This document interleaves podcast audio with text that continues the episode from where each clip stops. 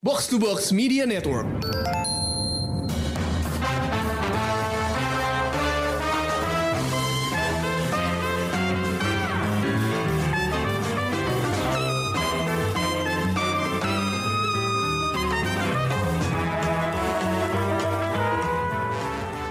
It is once again another crossover episode di sini Pretel Panel with Mindan. Hai Pris. Lalu ada Amy from Dan- Showbox. dan pasti the king of hot takes dan himself Bapak ya. CEO. Pak CEO. The CEO of hot takes ya. yes.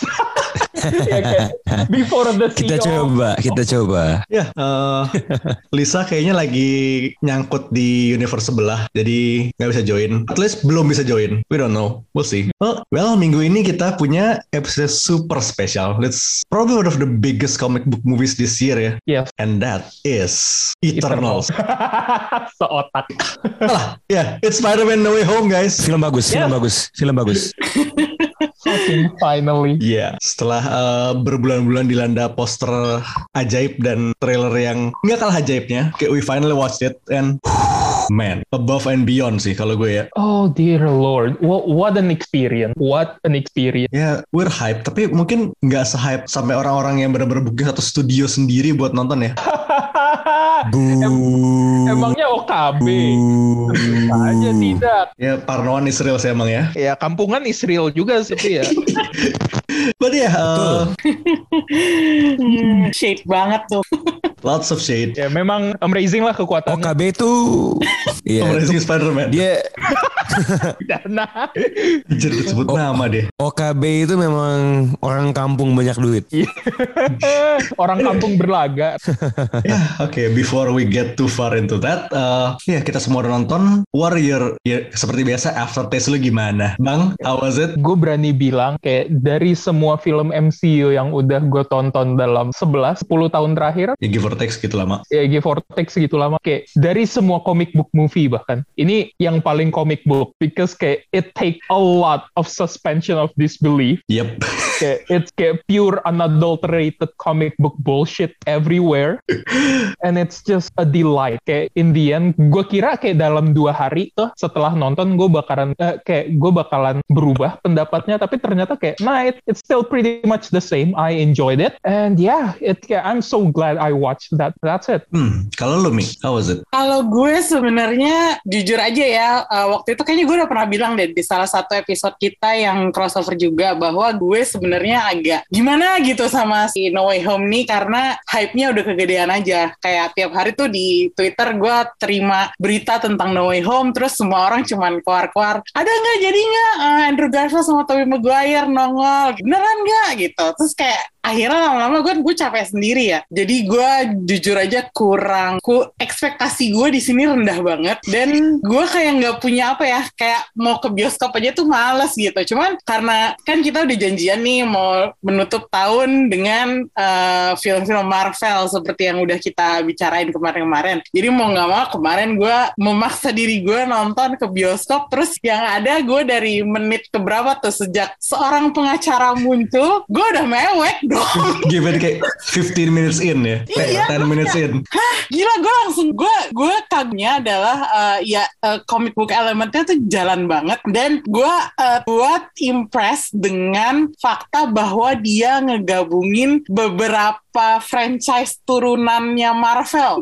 Karena karena kan nggak se- ini kalau lo ngomongin franchise Marvel yang dari Marvel Studios ini kan sebenarnya enggak. Jadi Marvel film-film Spider-Man-nya Tom Holland tuh kan co-production sebenarnya. Jadi dibilang real franchise-nya Marvel juga enggak juga gitu. Tapi nggak hanya berhasil menggabungkan MCU dan Spider-Man eh, Spider-Verse-nya Tom Holland ini dia ngambil tiga set- setidaknya tiga franchise lain gitu film ini. Dan gue agak-agak pusing sih lihatnya gue kayak wow gila ya ini mereka ambisius banget tapi kejadian gitu dan dan hasilnya bagus sih jadi gue eh, yang tadinya ekspektasi rendah mungkin karena itu juga ekspektasi rendah keluar bioskop tuh langsung kayak wow I gotta watch that again and again and again terus gue tiba-tiba mikir wah Sony jaya juga ya tahun ini film-filmnya Menang Gua- banyak dia. daripada film-film Marvel Studios gitu. Kayak apa namanya um, Venom, meskipun banyak yang gak suka, gue suka kan Venom gue gitu. Nah itu kan pure Sony tuh. Nah sekarang ada ini, pure Sony pure horny ya.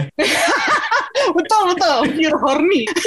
Terus udah gitu yang yang ini juga kayak apa namanya? Ini kan co-productionnya Sony. Terus apa namanya? eh, ya gue sih seneng-seneng aja sih eh, apa namanya bahwa Sony akhirnya bisa lumayan eh, keangkat juga gitu. Meskipun ke depannya kita nggak tahu ya. Lanjut itu aja sih gue. Gue juga ngerasa kayak dua hal yang eh satu hal yang paling sering lah. It's unashamedly comic book gitu loh. Kayak lo lihat eh, ini tuh kalau gue bayang jadi buku tuh kayak jadi six issue mini series ya kayak issue satu dua tuh nongol eh, dokter dokter Strange itu kayak numpang lewat. Ya, Like, It feels like such a comic book dan dia nggak takut untuk jadi aneh, nggak Hmm. takut untuk jadi eh, melakukan sesuatu yang ini bang suspension of disbelief itu bukan harus kuat tuh kayak lo udah nggak boleh, eh, lo just check your kayak your logic part of your brain out of, at the door gitu loh. ya. Karena ya emang ini comic book sekali. Dan gue juga kagetnya adalah adegan-adegan Doctor Strange-nya itu nggak cuma sekedar cameo, kayak beneran dia kayak konsi adegannya tuh kayak beneran seakan-akan eh, Doctor Strange tuh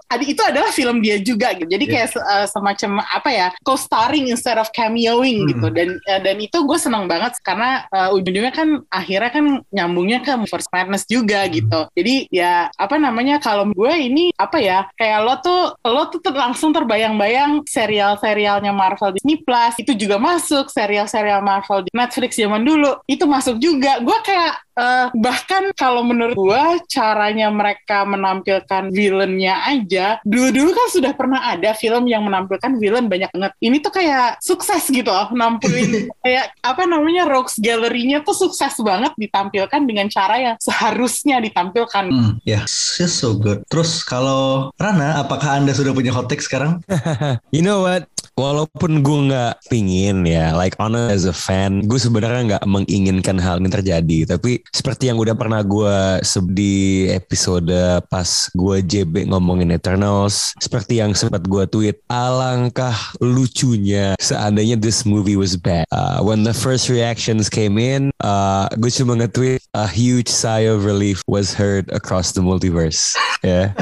Um, the way I see it ya ini mungkin pigging back nyambung sedikit ke beberapa poin yang disebut sama Amy especially. Emang ketika permasalahan birokrasi bisa dilewatkan, maka there's no limit to fan service yang bisa lo hadirkan. But at the end of the day bagi gue film ini kayak I mean when you watch it in a full theater it's an event ya. Um, it's probably the best fan service yang pernah ada di film model kayak gini bahkan bahkan di atas Endgame ya dari segi fan service in my opinion Yes. because it spans timelines and franchises and universes and bahkan antar cohort gitu loh. Yang kayak if if if if you grew up watching film-film yang lama gitu ke generasi yang lebih tua itu appeal itu juga ada gitu. But at the same time ajaibnya em, naskah dan filmnya dibalik semua komplikasi yang berpotensi membuat film ini berantakan it has a heart it has a theme tentang tokoh uh, Peter Parker. And there are moments where I feel bahwa film ini tuh puitis it's poetic Uh, itu yang satu adjektif yang gua nggak nggak kepikiran gitu ya uh, sebelum gue masuk bioskop. Dan apalagi ketika ngeliat marketingnya yang menurut gua ini kayak oke kita uh, seugly video klip John Mayer yang pakai hoodie ungu tuh apa namanya. Um, but yeah I'm, um, it is it is by far I think one of the best. Um, karena kalau lo menilai mana film Spider-Man inevitably pasti ya akan ada akan ada rankingnya. But I would say this this is the movie that celebrates Peter Parker the best Mhm. dari semua film Spider-Man yang pernah ada agree Uh, emphasis on celebration Yup, yup. Yang barusan lu mention trilogy kayak MCU trilogy udah lumayan banyak kayak men, you punya Iron Man, lo punya Captain America, lo punya uh, Thor, lo punya Spider-Man kayak basically ya the four pillars of Marvel Marvel gitu loh. I mean ya lo punya Avengers juga sih tapi ya, ya technically Mhm, mhm, It's a mhm. quadrilogy technically speaking. Uh, tapi ya dari antara kayak all of the kayak individual superhero kayak in three installments itu, menurut kalian mana sih yang paling kuat? Tinggu mulai dari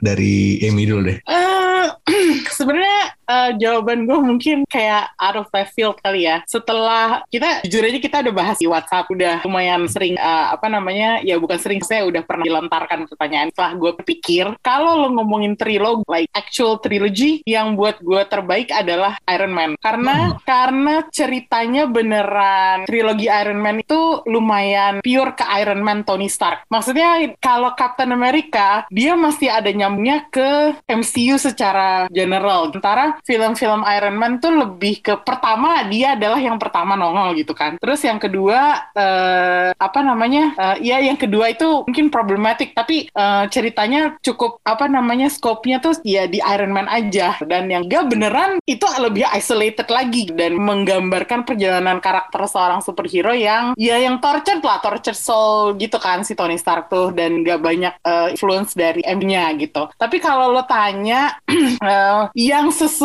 selera gue apa itu adalah sebenarnya Thor. Jadi eh, gue suka cerita-cerita klasik dan gue suka cerita-cerita eh, tentang you know like eh, apa namanya Thor sama Loki-nya tuh emang kalau buat gue emang ngena banget di gue karena eh, ya itu dia kayak gue suka brotherly romance tuh, dan gue suka cerita-cerita eh, yang bertema klasik. Jadi eh, kalau boleh pilih gue antara Iron Man atau Thor. Hmm, very strong choices.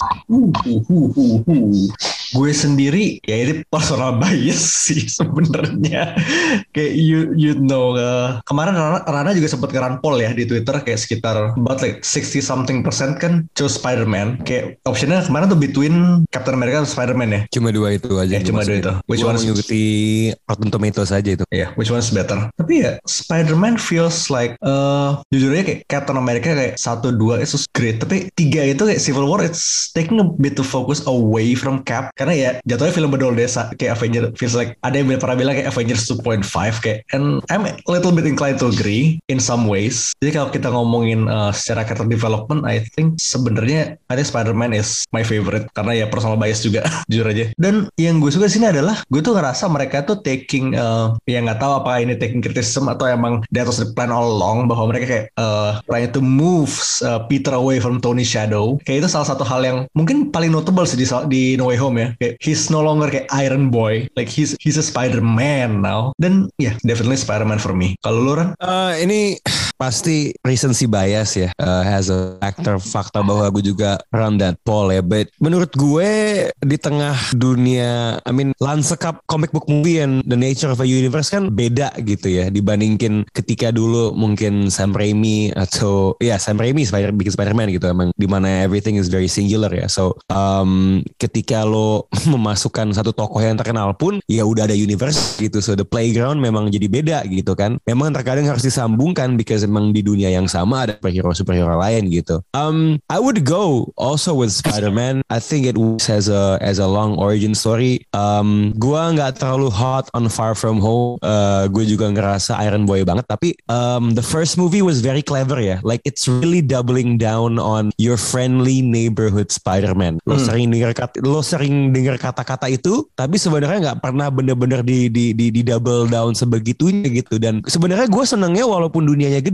Spider-Man Homecoming itu sangat merayakan dua hal. Satu it's a coming of age high school movie. Let's double down on that. Yang kedua it's okay kalau tokoh yang mungkin paling terkenal superhero Marvel yang paling terkenal di small scale. Ya udah I, I- mean dia coba di Queens mainnya. I don't think even goes to dia sempet ngapa-ngapain di Manhattan ya di di Homecoming gitu. Far From Home uh, gue I mean yeah there's the whole Mysterio thingy. Uh, it's just alright lah buat gue but this one I think I mean this is really this about why we terlepas dari elemen multiverse-nya ya why we can relate with Peter Parker uh, why we are Peter Parker eh, why we love Peter Parker and why we are Peter Parker. Bagi gue this movie ajaibnya di, di, di tengah segala macam komplikasi tetap punya satu kompas about really highlighting the Peter Parker in all of us gitu loh. Hmm. I think for me at the moment yeah. But we never know ya. Kita nggak tahu nih 2023 misalnya ini Guardians of the Galaxy Volume 3 keluar. I mean there could be another shift gitu ya.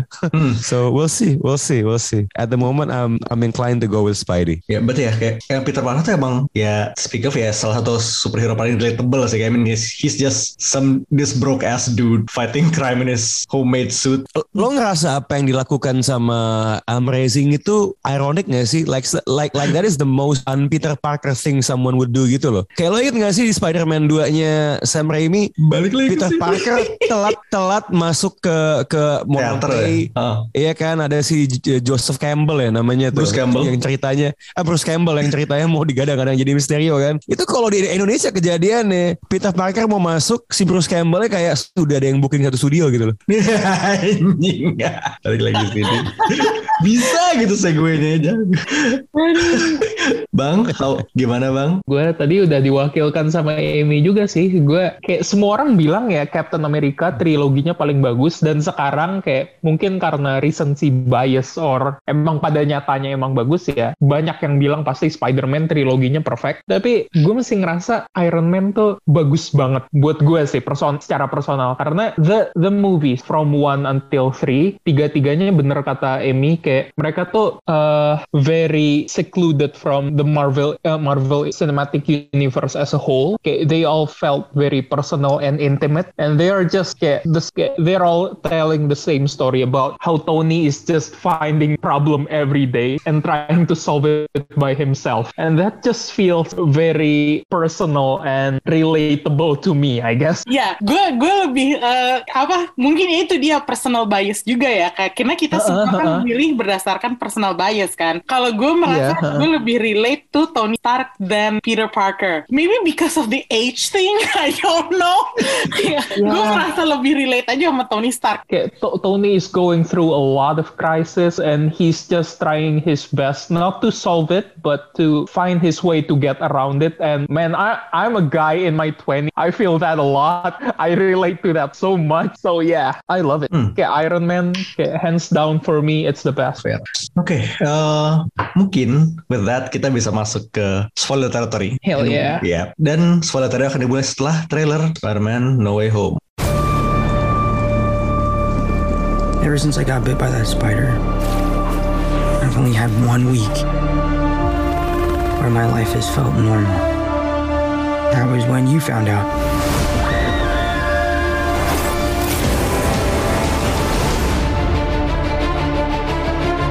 When you botched that spell where you wanted everyone to forget the Peter Parker Spider-Man. We started getting some visitors.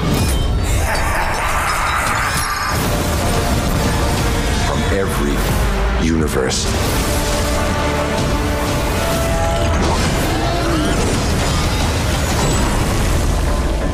Hello, Peter.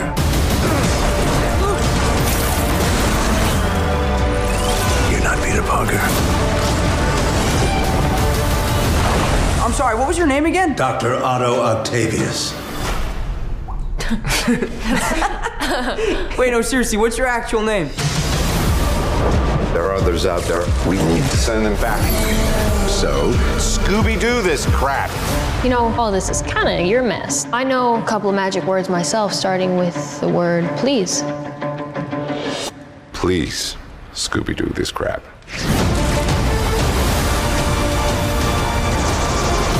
You're flying out into the darkness to fight ghosts. What do you mean? They all die fighting Spider Man. It's their fate. I'm sorry, kid. Yeah, me too. Don't.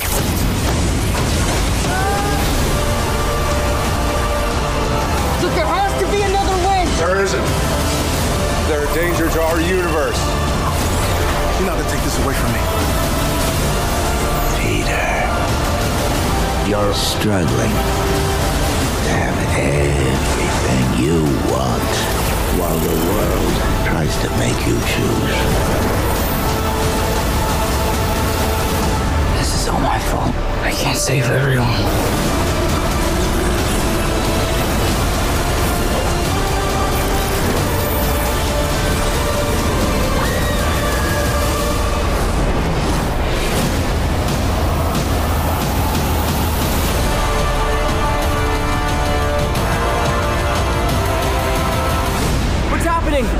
They're starting to come through, and I can't stop them.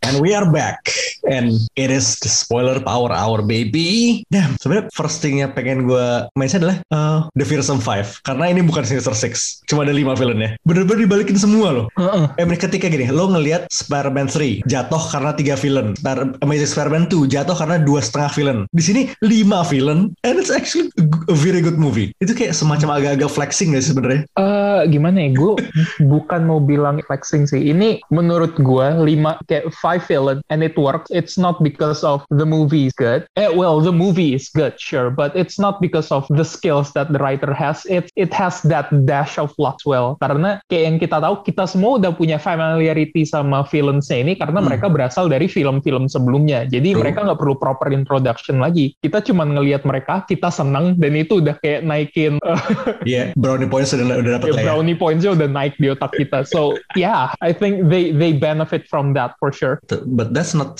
saying kayak they're, they're no slouches either gitu loh. Ke, I mean ya gila sih no, apa what's his name Willem Dafoe like man Kayak what a journey. Like in the end beneran jadi Willem Dafoe. Love that. itu karakter development namanya Kayak character development. bangsat Keren banget nih Dex joke-nya. Eh, terus ya I mean kayak obviously Soul Stealersnya adalah kayak Alfred Molina sama Willem Dafoe sih I mean kayak begitu gue ngeliat kayak Ok tuh balik lagi kayak he's back on the good side kayak Kayak just kayak take a moment to appreciate how graceful Alfred Molina has aged because man, he doesn't look a day older than he- from he was in Spider-Man 2. kayak setahu gue dia pakai some CGI help tapi still Ya. looks super good Tapi ya kalau kalau gue boleh uh, milih di antara lima villain yang gue kaget adalah Flint Marcos. Gue nggak mengingat dia apa ya kayak dari awal penampilan dia di No Way Home ini he's already kind of charismatic and helpful I guess. Gue nggak mengingat itu di filmnya Sam Raimi dulu kayak sana kayak lewat aja gitu. Tapi di sini dia jadi lumayan ally gitu kan. Hmm. Jadi gue merasa kayak wow, why did they choose Flint Marco?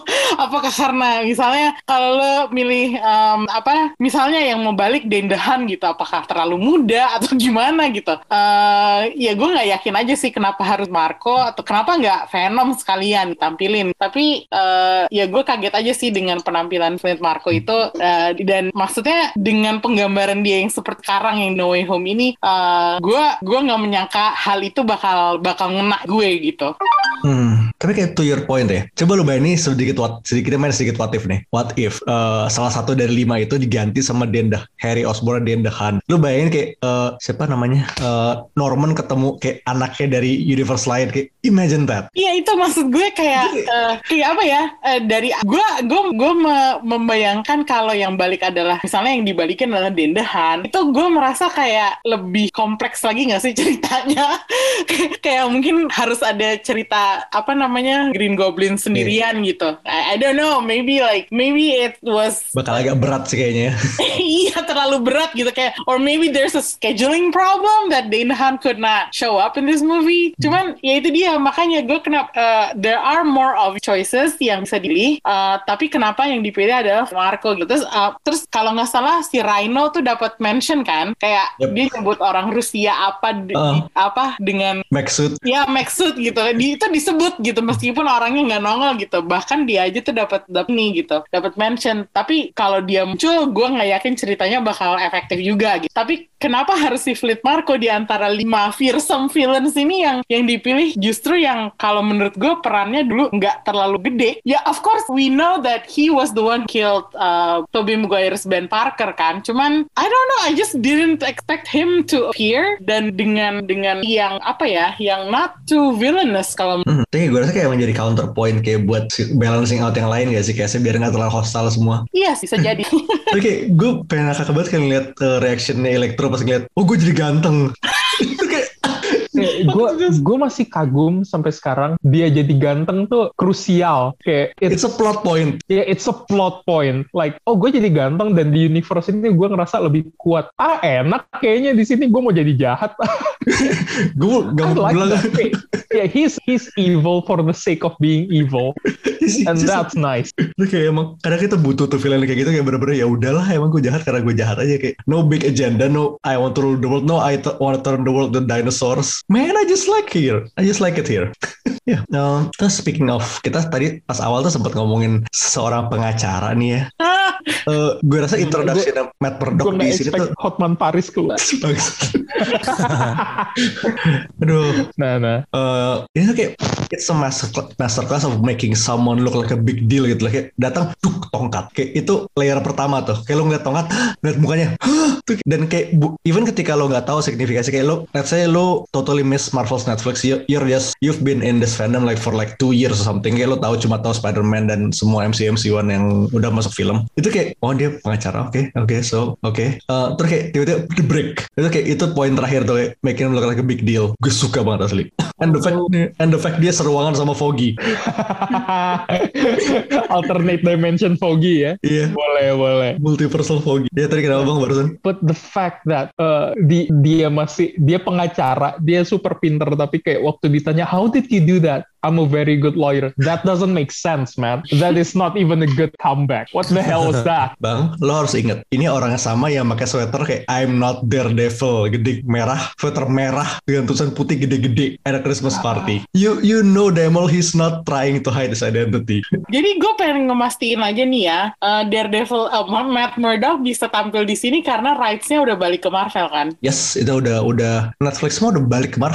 Ya, Iya. berarti uh, is this a sign that we're gonna get like a I don't know Defenders series or Defenders movie? I'd say that's a very strong maybe. Ya, that, uh, dan yang masih ada di otak gue sekarang, pertanyaan yang masih kepikir adalah, are we getting like brand new series that has nothing to do with the Netflix one? Or kayak, is that, or are we getting a continuation? Kayaknya kalau kalau tebakan gue ya, abangnya kayak eh, vaguely canon aja gak sih kayak ada kayak lo analogi gue adalah between Evil Dead 1 2 ada Army of Darkness, tetep uh, Ash vs Evil Dead kan. Karena studio yang nggak punya rights Army of Darkness kayak AOD itu kayak antara canon dan ti- an- antara canon dan enggak gitu kayak it's vaguely there tapi nggak explicitly mentioned. Bahkan gue sih gitu. Oke, that's fair. Karena ya, kalau kita ngomongin Feige lagi sekarang ya, Feige is obsessed with making like everything has to be centered around Disney and Disney Plus. And we know for a fact that mereka nggak bisa ngebeli seriesnya Netflix yang sekarang. So, Ya, we'll see. we'll see. Dan ini kayak gue, gue sih pengen banget lihat kayak anak-anak Netflix itu pada masuk bergeser ke somewhere ke MC Greater MC. I mean, gue pengen lihat uh, Punisher clashing dengan Sam or Bucky sih, jujur aja. Ya, heeh. Karena because Steve's off the board already sayangnya. Ya, dan gue sebenarnya kayak pengen ngelihat Elektra muncul di tempat berantemnya siapa adanya Shang-Chi. uh, Shaling. Iya, heeh. Kayak you you know damn well she's been there before. iya. It's Gue tadi tuh kind of mau gue tadi tuh mau bilang oh Elektra ketemu Elektro. ya uh, cameo kayak terus kayak ya sebenarnya Dokter Strange Dokter Strange ini kayak glorified cameo nggak sebenarnya ya tekniknya dia seperempat film punya dia juga sih but Wong though Wong Sorcerer Supreme Love that for him. Thriving. He's thriving dan ketika lo inget lagi apa yang dilakukan di Shang-Chi Sorcerer Supreme pulang malam karaokean Man, Kalau kita ngomongin cameo, sebenarnya yang yang gue gemes tuh adalah cameo di after creditnya. Iya di Brock gitu kan. Yeay. Maksudnya lo coba nongol di ACS doang. Ya gue tahu ceritanya. Kan akhirnya kita tahu kenapa dia bisa nyampe ke MCU kan. Hmm. Karena multiverse-nya itu buka gitu. Cuman ya udah mas cuman gitu doang sih kayak it's a wasted opportunity I think. Like he could have done more than that. Kalau menurut gue. Tapi maybe that's just yang kayak apa sih mas kebawa sama uh, sukses Venom gitu ya. Hmm. Jadi ya gue pengen lebih. Cuman I don't know. It's like why can't more?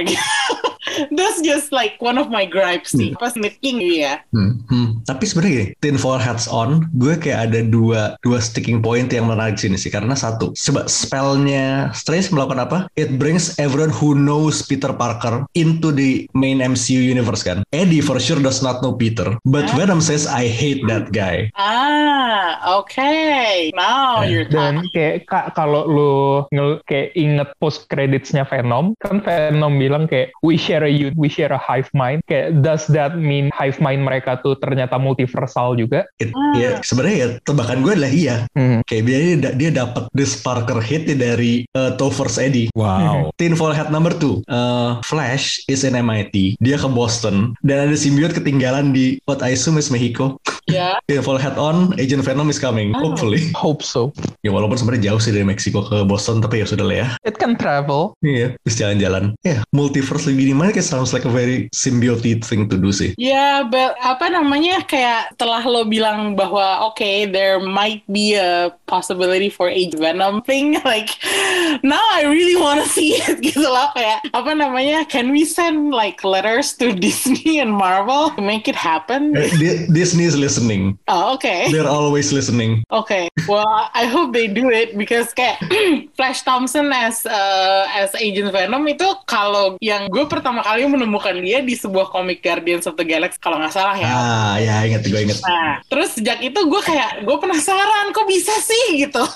Terus ya karena dia udah dari itu dan ceritanya udah ada ya gue ngikutin lah. Jadi gue sekarang lo lo pakai nyebut-nyebut Agent Venom terus gue sekarang jadi kayak pengen banget ngeliat gitu. kayak wow, this this topic is actually a bit off topic dari No Way Home ya. Cuman kayak Nggak, it's part of the movie kok. ya, Flash Thompson kayak sebenarnya peran di sini minim banget dan gue sebenarnya agak sayang, agak menyayangkan eh, ramifications antara between kayak eh, dia tahu Peter Parker Spider-Man dan tiba-tiba time skip itu kayak it could have been a little bit more. Jujur aja ya, karena kita lihat sat- dari satu dua kan Flash is a big big Parker fan, eh big Spider-Man fan and he well ya emang bulinya Parker ya. Gue penasaran aja sebenarnya kayak apa yang terjadi kalau misalnya di expose lebih banyak gitu kayak but ya still pretty good. Eh, terus yang harus saya satu satu komik elemen gue gue bener-bener bikin tahu adalah Mei itu bisa Mei itu akhirnya interaksi sama Doc, Doc Ock kayak hmm hmm so for the un- uninitiated uh, Doc Ock at one point pernah well, dated Aunt May once I knew it. nyaris nikah kan ya There was Yes, a for sure. Okay, even if they were not going to get married, they they fuck for sure. sebenarnya gue ada you know this ada ada semacam ketakutan kecil gitu di diri gue pas uh, Peter datang ke Fizz dan tiba-tiba ada Norman duduk di duduk sama May kayak Peter meet your new uncle tapi terlepas dari itu tuh uh, kayak Aunt May being the band itu gue sama sekali nggak expect dan gue bocor sih situ Ini gimana ya? Gue gue bocor, tapi di satu sisi juga gue lega karena ya lo tahu sendiri mimpi gue dari dulu adalah kayak to have a Peter Parker who has no one, like bukan no one no one. Kayak gue lo tahu sendiri selama ini komplain gue selalu tak sama soal Spider-Man. I feel like Aunt May is hindering his growth. Peter will always seem like a small boy if he still has his aunt. Jadi kayak the fact that he's now living by himself without the help of May or anyone else in that matter, kayak will force Peter to grow and become an adult, a proper adult. And I want to see that. hmm, Kalau gue merasa juga I think it was time for for Aunt May to go. Gue karena uh, bukannya maksudnya kayak pengen dramatis atau gimana ya, atau gue pengen ada unsur kematiannya Uncle Ben uh, Spider-Man Tom Holland juga. Cuman karena kan kita nggak diliatin sama sekali kan kematian Ben Parker zaman dulu. Bahkan di Homecoming pun nggak ada adegan. Gue gue merasa ini bikin ceritanya uh, Peter tuh makin lengkap ya, karena unsur coming of age-nya jadi kerasa banget eh, dengan dia mau kuliah dan sekarang dia udah bener nggak punya siapa-siapa gitu. Kayak apa namanya? eh, ya udah he's he's now completely alone sebatang kara dan hidupnya jadi punya punyanya cuma Spider-Man doang gitu. Kayak I think it's the right time for them to to show this kind of scene gitu loh dalam kehidupan seorang Peter Parker. Iya, kayak bener-bener he's literally ya, he has no one, not even himself. Ya, dan dan apa namanya eh, apa eh, kalau menurut gue eh, oke bikin adegannya makin dramatis dan ya kayak lo siapa sih yang nggak nangis kalau lo lihat adegan kayak gitu gitu. Cuman gue merasa maknanya tuh lebih dalam daripada sekedar apa ya farewell atau perpisahan gitu. Ini tuh beneran kayak sebuah jang baru gitu kayak Peter tuh beneran graduate from a teenage to an adult like that in that moment gitu dan dan akhirnya dia kayak eh, dia akhirnya kayak on par dengan Peter Parker yang dua lainnya karena gue merasa set- eh, pada saat dua si Peter Parker yang eh, Andrew Garfield atau Maguire muncul kayak apa namanya eh, he hasn't been on their level before. Tapi sekarang karena dia sudah melalui kematiannya May he's now on their level. Dan dia udah menjadi adult dan dia udah bukan anak-anak lagi. Mhm. meskipun tampilannya masih kayak anak-anak dibandingin yang dua itu ya of course. Iya. Eh, Tom Holland paling muda gitu. Cuman kayak gue merasa akhirnya now you're there kid gitu. Now you're you're on their level. Uh, you have nothing to worry about. Uh, lo nggak perlu merasa subpar. Uh, lo you're like you're just as great as they are kalau gue merasanya karena ya itu unsur itu tadi kayak dia sudah lulus dari remaja ke orang dewasa dewasa pada saat momen Hmm. Dan kayak interaksi antara kayak tiga Peter tuh bener-bener it's exactly as I expect uh, tiga buah Peter Parker di dalam satu ruangan ya.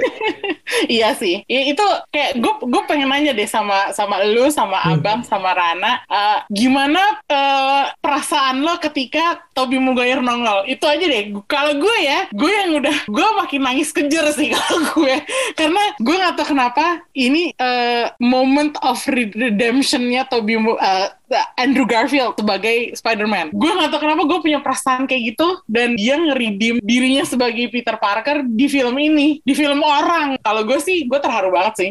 Ini sih, eh gue ngerasa what this movie does well adalah fan service buat um, Peter Parkernya Toby sama Peter Parkernya Andrew Garfield is a form of emotional payoff sebenarnya. Um, obviously kalau di klimaks uh, filmnya it's when uh, Andrew Garfield uh, menangkap MJ, right? Yes. Dia dia berhasil melakukan sesuatu yang belum dia berhasil lakukan sebelumnya. Dan in the case of Tobey Maguire, actually buat gue Peter Tobey adalah eh, hubungannya baik lagi sama Doc Ock. Itu menurut gue momen ketika si Doc Ock ngomong di Roy, um, it act- bagi gue itu low, low key one of the most emotional moments of the movie. Dan ada satu poin yang tadi ya pengen gue sebut dan ini terkait perkara how this movie handles the um, the villain sehingga nggak membingungkan dan kedua uh, one of the core themes of the movie ya Um, menurut gua villains itu work because dari awal sampai akhir bekerja sama bahkan dengan dengan si Peter Parkernya gitu loh. Hmm. So ya emang at a certain point in the movie jadi colleagues gitu. Dan what I think I love about this movie adalah he doesn't he's trying to save them. He's trying to redeem them. And itu dimensi yang tidak ada um, just by keputusan cerita di Spider-Man yang dulu kita tonton. Di Spider-Man 2 dia kan gagal menyelamatkan Doc Ock sebenarnya gitu loh. And in this one uh, they all dengan mungkin pengecualian um, well enggak sih ujung-ujungnya si uh, Green Goblin juga tobat kan dikasih obat lupa gua Iya. Heeh. right so so so so gue tuh ngerasa kalau kita mau membayangkan almarhum Tony Stark bangga dengan uh, Peter Parker at the end of Spidey 2 gitu ya eh, di, di- at the end of uh, Far From Home gue bisa ngebayangin Steve Rogers akan bangga dengan apa yang dicapai dengan dengan uh, Peter Parker at the end of this movie sebenarnya. Um, with great power comes great responsibility and that responsibility is to redeem to save people you know? Itu yang sebenarnya satu line theme yang gue suka banget. Works going backwards and it works going forwards and it really highlights the character of Peter Parker and that for me is what he's all about you know? And the thing is satu lagi ya ini berhubungan ini udah agak ngelebar but gue tuh sempet, sempet ngira film ini bakal jelek because kok kayaknya premisnya is based on a blunder. But at the end of the day yang gue sadari what makes Peter Parker all of us bukan cuma dia relatable bukan cuma dia manusia bukan cuma dia down to earth but he fucks up Ya itu dia. You know, he fucks up. Everybody fucks up. He fucked up You know? Time. He fucks Yeah, up, he man. fucked up big He time. fucks up gitu. Kan bahkan ini argu, arguable ya. Ini ini lebih lebih gede lagi dibanding uh, One More Day di komik kayak. Dia he broke, literally broke the multiverse. So so so so the great responsibility is to fix what he fucked up, you know. And I think there's something very human in that yang membuat uh, ini film uh, resonant. Tapi kembali ke momen ketika dia ketemu ya ini kayak kayak ketemu saudara seperguruan aja gitu loh. I mean it's actually really encapsulated ketika ngomong I've always wanted to have brothers. gitu loh. Um, and it's really endearing lah ngelihat karena tiap kali mereka berinteraksi yang lo lihat adalah kesamaan dan perbedaan kecil. They have differences in their universe, in their walks of life, but at the very core they're the same. You know, what makes them great is what makes Peter Parker great gitu loh. Dan itu serumpun apa pun multiverse-nya.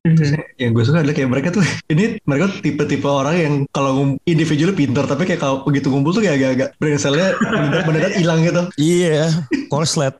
Tapi can I just also say that it's very kayak Spider-Man adalah satu-satunya karakter di universe Marvel yang lo bisa giniin gitu. Lo bisa nampilin perbedaan mereka dan kemiripan mereka juga karena udah ada tiga yang meranin. Betul. yang lain-lain tuh cuman kayak Belum ada. Iya belum ada kan karena semuanya milik satu studio gitu. Kalau ini tuh Betul. udah udah menjadi kayak udah ada ribut ribut dan apa namanya sa- kayaknya ini juga bakalan diribut gitu kayak I don't know like I I just feel like uh, when you uh, when you do a multiverse uh, as your theme of the movie you kind of need character like Spider-Man yang emang udah punya uh, screen legacy gitu loh kayak dari dari Toby ke Andrew ke Tom gitu jadi cannot do this with any other character except Betul. them. Dan gue juga merasa kayak kalimat uh, with great power comes great responsibility itu masih kena di film ini. Mhm. Meskipun kita udah sering denger di kayak berapa tuh lima film eh, tujuh film lainnya. Berkali-kali. Iya kayak udah, lo kayak udah basi banget gak sih kalimat itu? Tapi somehow they made it work here. I think to that point, yeah, that's actually why I mentioned uh, puitis. You know, ini I'm I'm gonna quote George Lucas ketika dia lagi berusaha membela prequel trilogy. It's like poetry. It rhymes. It's the same thing, but it's done a little bit differently gitu loh. It, it's as if when you hear it, it echoes. It's not like uh, persis sama gitu ya kayak fotokopian, but it sort of uh, reverbs dengan the last time you heard it kan. Now you hear it from Anne May. Kesamaannya lah, you know it's a it's a death flag. Itu kesamaannya. Lo tahu Iya, ada yang salah. Se- se- sebenarnya sebenarnya with great power comes great responsibility. Ketika diterjemahkan ke bahasa Indonesia, harusnya terjemahannya adalah innalillahi wa innalillahi rajiun. Di Arab itu sih. oh iya benar benar benar benar. Kalau di sini turut berduka cita. harusnya gitu ya. Lu, lu, lu dapat WhatsApp, eh setelah meninggal with great power comes great responsibility. harusnya gitu ya. Aduh. God. Iya, iya. Uh, sebenarnya gue appreciate adalah Toby kayak is visibly older gitu kayak Gar Andrew Garfield kayak masih 11 12 lah mukanya kayak but Toby kayak ya men udah 20 tahun ya Yeah. it's been like almost two decades dan dia udah jelas lebih tua gitu loh And I respect the fact that mereka tuh beneran make en- eh, Toby yang udah tua instead of ngebuat Toby jadi CGI dan ngebuat Toby tuh jadi kayak semacam mentor buat Yeah. dua Spider-Man Yang ini. kakak tertua kan Heeh, suhu. ya itu kayak duh, Sampai ada adegan encoknya juga loh di iya itu itu emang usia sih Heeh. I feel that. Sebenarnya gue suka dah. Ini tuh bukan cuma ngambil homage dari film dan dari komik loh. Gue notice kayak banyak elemen-elemen dari game Spider-Man Insomniac. Oh ya. Oke, so uh, lo inget kayak, kayak web power bombnya si uh, Peter on apa what's his name Goblin in the end. Kayak yang di web kata kejebruk itu kayak salah satu finishernya. Hmm. It's finisher. Plus mungkin satu yang notable banget itu adalah uh, gravestone-nya Aunt May. Kayak when you help someone, you help everyone. Itu gue inget banget dari dari gamenya. In which Oh, I Aunt May see. also died. Oke, oke. Dan itu emang quote-nya bagus sih itu. Yeah. You know, I mean the the, the way like uh, he, Spidey learned sacrifice. Yeah, that's you know what it takes to really um, get the job done gitu. And ini tuh sebenarnya apa ya? Uh, gua gua I- I- gua teringat ketakutan Sina di Eternals ketika dia takut ingatannya hilang. Just made me think gitu ya. I mean, you you can never trade lives, but ingatan ya, ex- uh, uh,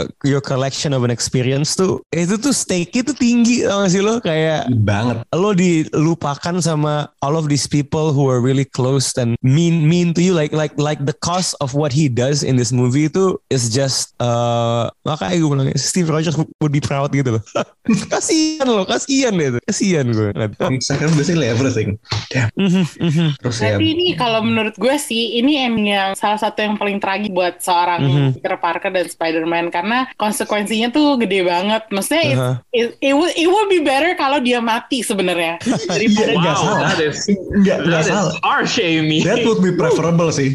iya kayak apa namanya caranya dia kayak adegan di coffee shopnya si MJ yang terakhir itu kayak itu sakit banget sih kalau gue ngeliatnya. Gue gue merasa kayak mungkin dia lebih baik mati kayak I'm so sorry tapi I wouldn't want to be forgot meskipun kalau lo lo meninggal lo masih dikenang sama orang-orang. Tapi kalau lo masih hidup dan lo dilupakan sama sa- satu universe itu tuh sakit banget man. Gue I tuh mean gimana bahkan ya? bahkan di Koko aja kan lebih menakutkan kan? Dilupakan lebih menakutkan daripada mati di Koko tuh gue inget banget. Iya, heeh. tapi Gimana, gimana, Bang? ya? Gue gue masih ngerasa kayak ya kayak dilupakan tuh menyeramkan. Tapi yang bener-bener ada di otak gue dari kemarin tuh adalah kayak anjir dia kalau mau ngurus KT, eh, mau ngurus surat penting segala macam nggak ada KTP, nggak ada surat keluarga, ribut banget Nih, lu lihat, lu lihat, ya. Lu lihat. Dia udah mau ikut GED kan, mau masuk kuliah kan. Ya, lu coba mau masuk kuliah nggak pakai akte kelahiran, nggak pakai dokumen-dokumen, susah tuh. Dan eh, lo bisa bayangin interaksi sosial dia nggak assuming dia masuk MIT. Pasti kerjanya tuh dia stalking dua temennya itu terus dua temennya yang udah lupa kayak ini siapa sih sih orang nguntit gue mulu gitu. Ter- Terus kalau ngobrol gitu, kalau kalau ternyata nggak klik kan sedih banget. Ih anjir siapa sih Anjir. SD gitu. Ouch. Ouch. Padahal dulu bikin Lego Death Star bareng sama Nek. sakit sakit ya. Sakit banget Wow. bro. itu adegan dia sama Happy di pemakaman eh, di makamnya Aunt May aja udah kayak nusuk gitu kalau buat gue. Iya. Kayak, Aduh, ini tadinya anak yang disayang-sayang sama Tony Stark loh. Sampai Iya. di, di- apa namanya dia kayak stres lima tahun karena kehilangan anak ini, terus tiba-tiba dilupakan. Kayak itu menurut gue pahit banget sih endingnya. Kayak it's not a happy ending at all. kalau menurut gue. Tapi gue rasa ini kayak emang jadi avenue yang cukup pas buat bikin soft reboot sih karena he's starting from the ground again gitu loh. Suitnya udah sekarang udah bikin sendiri. Biru ya. Udah jahit Suitnya sendiri. bagus banget sih tapi. Birunya bagus Baru- banget, gue suka. Bagus banget. In snow. In the snow man. Kayak birunya tuh ngejerek banget. Dan kayak lu ngasih material tuh kayak shiny-shiny gitu kayak gue gitu di Spider-Man. Iya. Kayak spandex gitu jadinya.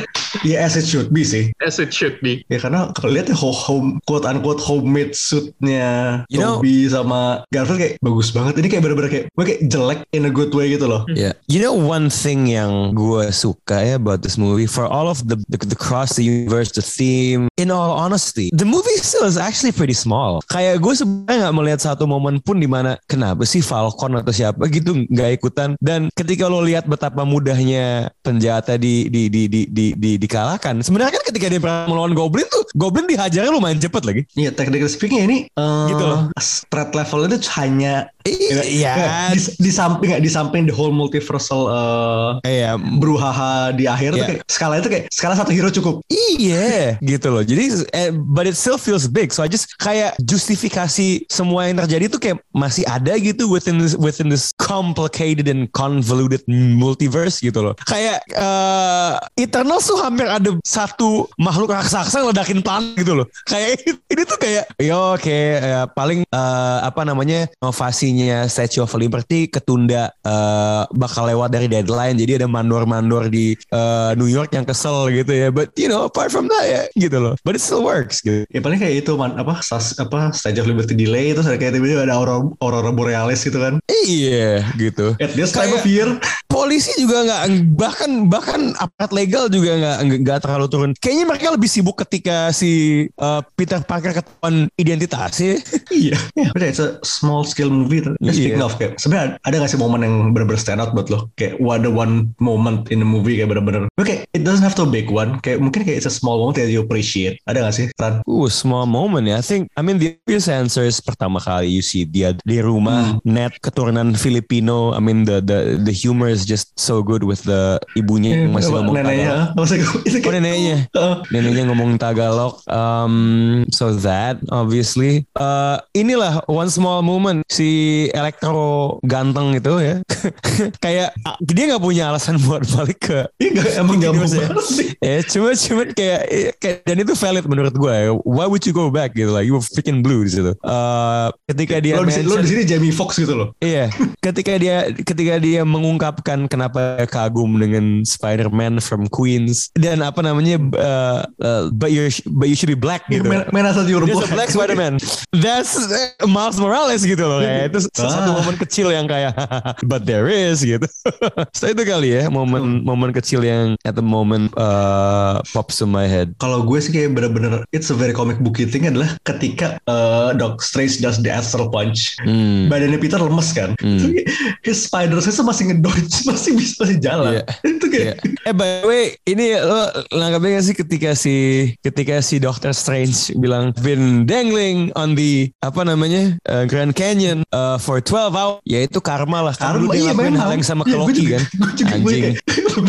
kayak, kayak eh, pas si eh, spider sense aktif kayak lu nggak sih ada kayak ada there's this subtle blurry effect di sekitar kepalanya Peter. Ya. Kayak yes, that is how is how you visualize spider sense without being too cheesy kayak Peter banget Ya. gue suka. Kalau lu Mi, Kalau gue jujur aja momen yang paling bikin gue itu adalah waktu si and, apa namanya um, Andrew Garfield Spider-Man, Andrew Garfield Peter saved MJ. Kayak gaya jatuhnya tuh kan mirip banget. Gue udah tahu sih adegan itu bakal ada. Gue gue kayak gue udah menang- menyangka bahwa itu akan ada adegan seperti itu. Dan apa namanya kejadian. Dan saat itu juga gue rasa kayak itu sebuah apa emotional closure buat Peternya Andrew Garfield gitu. Dan itu gue bikin itu bikin gue lumayan seneng sih. Karena menurut gue memang The Amazing Spider-Man duology itu memang a bit too dark for for my taste. Jadi gue seneng bahwa itu di address gitu. Dan Payoff ya emang ya. Ya, pay off gitu. Terus udah gitu gue merasa kayak apa namanya em, adegan yang apa namanya yang mulai sebenarnya mulai perasaan dreadful gue muncul adalah ketika Peter datang ke tempat kerjanya May dan eh, dia menemukan ada Osborn gitu kan. Osborn di situ. gitu. Itu udah itu udah dreadful dreadful feeling gue udah udah muncul dan ketika akhirnya sambung dengan eh, apa namanya The Green Goblin in Norman Osborn keluar dan killing at May. Itu menurut gue sequence yang apa ya yang yang ngena banget sih dan apa ya kayak jadinya tuh sebuah emotional journey yang rada berat sebenarnya. Cuman itulah yang membuat filmnya kalau menurut gua seperti yang Rana bilang tadi itu a bit poetic gitu. Jadi kayak ada um, sebab akibat yang you know yang yang keterkaitannya kuat banget dan lo bisa ngelihat bahwa hidupnya Peter tuh memang ya kompleks banget sih sebagai superhero, sebagai seorang remaja, sebagai seorang mas vigilante gitu. Itu tuh itu tuh kena banget di situnya sih kalau gue. Dan satu lagi of course adegan Matt Murdock. Nggak tahu kenapa adegan Matt Murdock itu beneran membekas banget. Mungkin karena gue terlalu seneng bahwa akhirnya ada uh, karakter Defenders yang diakuin sama studio gitu ya. Jadi kayak sama Marvel Studios maksudnya. Jadi kayak gue ngerasa momen penampilan Matt Murdock itu adalah cameo yang benar-benar wow banget di antara semua cameo lainnya. Ya purely for the fact that I was really disappointed bahwa uh, yang di Netflix tuh selama ini nggak pernah dianggap gitu. Sekarang ternyata canon. masuk gitu dan dan akhirnya bisa bisa lumayan berperan loh. Maksudnya dia meskipun nggak diceritain kan he's a good lawyer.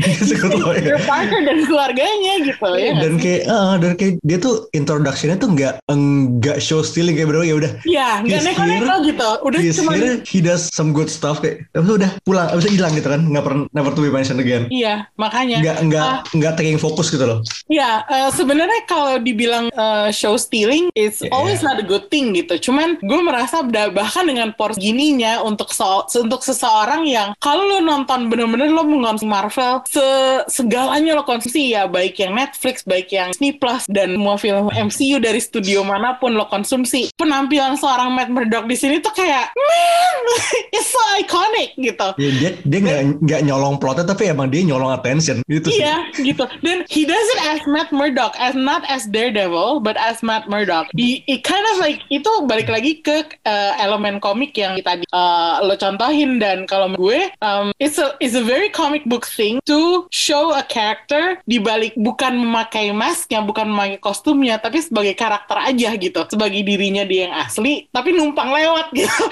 Menurut gue ini tuh film komik booknya kerasa banget karena hal-hal itu gitu. Jadi lo nggak usah nampilin Daredevil fighting bareng sama Spider-Man, tapi kayak the, fact that the, the dia guy- ada aja dia ada dan Iya, ngebantu gitu Ah, gitu. Itu kayak it's it's a it's a very comic book ini kalau di, element. kalau di komik tuh dia cuma muncul di dua halaman habis itu hilang Iya, iya gitu.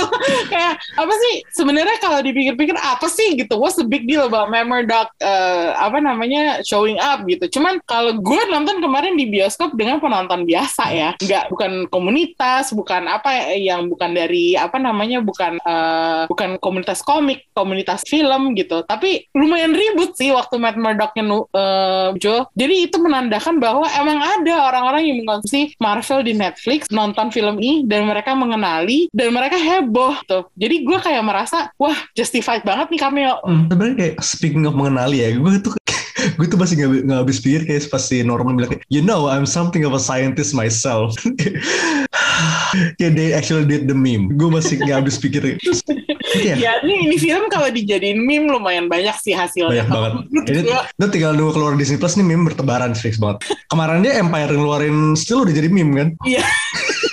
Memang ternyata filmnya ya itu itulah kalau menurut gue uh, Spider-Man yang trilogi yang terakhir ini yang yang co-production antara Sony dan Marvel um, itu salah satu letak senangannya adalah lo bisa kayak it actually enters to your pop culture uh, life gitu. Jadi kayak you know it's gonna stay there dan lo nggak akan nggak akan bisa lupa sama film ini Oh, iya. kalau kalau gue sih bagusnya letaknya gitu ya. Karena kan uh, gue ya mungkin dulu filmnya Tobey Maguire karena internet kayak sekarang ya lo hanya bisa menikmati kayak sebagai layar gitu. V atau uh, apa namanya bioskop. Cuman mulai mas zamannya Andrew Garfield tapi kan karena Spider-Man Andrew Garfield nggak nggak gitu fun gitu loh kalau menurut gue. Sementara yang ini triloginya Tom Holland itu fun dengan bahasa yang kenian tampilan juga kenian you'll you'll never be able to forget it. And now with this movie with No Way Home you get to have the other two enter the pop culture. Jadi gue lumayan apa ya lumayan berterima kasih sih sama ini Iya. karena menginclude dua Spider-Man yang dulu-dulu Hmm, terus kayak kayak mungkin post credits yang kedua ini agak-agak unorthodox ya karena dia bener-bener trailer tok. Iya. It's literally trailer. Tapi gue jujur aja gue penasaran karena masalahnya apa lagi ya? Kayak karena setahu gue eh, ini masalah multiverse cah ini kan udah beres nih. Tapi kenapa tiba-tiba ada masalah muncul baru lagi sampai dia perlu Scarlet gitu? Dan again ini kan multiverse multiverse pecah itu kan uh, you know uh, Loki and siapa namanya? What's her name? Udah. Sophie. Oh Sophie, Loki and Sophie like, eh Sylvie. Fuck. Sylvie. Ya Loki and Sylvie kayak uh, you know the, the whole TVA business. Terus ada Wanda dengan Westview and Chaos Magic. Dan terus ditambah lagi dengan Strange X Spider-Man Breaks the Multiverse. Iya. Kayaknya multiverse kayak emang udah muak aja sebenarnya sih muak di otak atik. Belum lagi what if. Iya, makanya gue sebenarnya eh, jujur aja gue baru sekali nonton trailer Doctor Strange Universe of Madness karena kan sebelumnya udah keluar kan ya sebelumnya ini kan trailer dua ya kan. Hah? Jadi Ini bukan trailer gue satu ya? merasa- Oh nggak tahu gue. Ini trailer satu. Gue yang nonton trailer satu. Oh oke. Jadi pokoknya ini pertama kalinya gue melihat apa pun yang berhubungan dengan Multiverse Madness. Terus eh, gue merasa kayak filmnya tuh bakalan eh, lumayan dark sih kalau dari penglihatan gue. Karena unsur itu tadi ya kayak apa ada Scarlet Witch, terus ada Kang. Can we say it Kang? I don't know. Tapi maksudnya kayak ada eh, unsur-unsur dari eh, Scarlet Witch dan Loki yang kalau gue berpotensi film jadi Multiverse of Madness menjadi beneran madness chaos gitu. Kalau gue sih merasanya gitu setelah nonton Ya, mungkin ya ad- gue itu. ada urusan ya sebenarnya yang menarik sih Mordo balik dan man Mordo's hair looks good Tuh. Kayak udah gak boring gitu loh rambutnya also kayak ini kayak nol-nol gitu but there's also America Chavez menarik sih gue belum kayak Hmm. konteksnya belum ketahuan ngapain tapi udah ada be- bentuknya gitu Ya, itu uh, kalau menurut gue sih trailernya uh, sebaiknya ditelaah lagi sih kalau menurut Iya. gue karena nonton di bioskop kan berasa cepet banget. Kalau gue sih pengen menelaah lagi kayak nunggu online dulu sih biar bisa bolak-balik tuh. Jadi kayak ya tungguin aja lah filmnya dan Ah. uh, apa namanya? Gue jadinya lumayan menantikan. Uh, it- it's a it's a good promotion for Doctor Strange to appear in No Way Home karena minat gue kembali terbangkitkan untuk film-film MCU yang sebelumnya udah agak mereda setelah Eternals. Yes. Terus satu lagi, jadi di trailer itu ada sebuah well, gurita berke- bermata satu bernama Yes! Gargantos. What was that? Oke, jadi kalau di komik, Gargantos itu si monster yang cuma muncul di satu isu komik Namor. Oh, oke. Soalnya dulu tuh banyak orang yang ngira tuh Hishmagorath kan. Hmm. Itu biasanya ketulu ketulunya Marvel. Tapi Gargantos ini kayaknya mungkin kayak ada, agak di downscale karena dia kayak kalau gue lihat dari tempat dia berada kayak cuma jadi anak buah atau something. Tapi we could be wrong. Don't quote us on that karena ini masih trailer pertama kita belum tahu banyak. We'll see. It's gonna be interesting though. It's gonna be interesting year next year. Kita, tahun depan kita punya apa sih? Multiverse itu Maret. Multiverse, uh, Thor and I think Black Panther 2 ya. Kalau misalnya the whole Letitia business is finished. I'm not gonna comment on that. Ya, Ya, itu itu itu itu masalah untuk nanti. That's a, a future us problem. Yeah. But for now, uh, sepertinya Rana dan kalian sudah kembali ke dimensi masing-masing. Oh, It's iya. just us two here. udah ngilang, udah dibalikin sama Doctor Strange. Yeah, so yeah, for now, I think that it. We'll be seeing next time. This is Mindan. Dan gue Amy. Signing off. Dadah. Bye.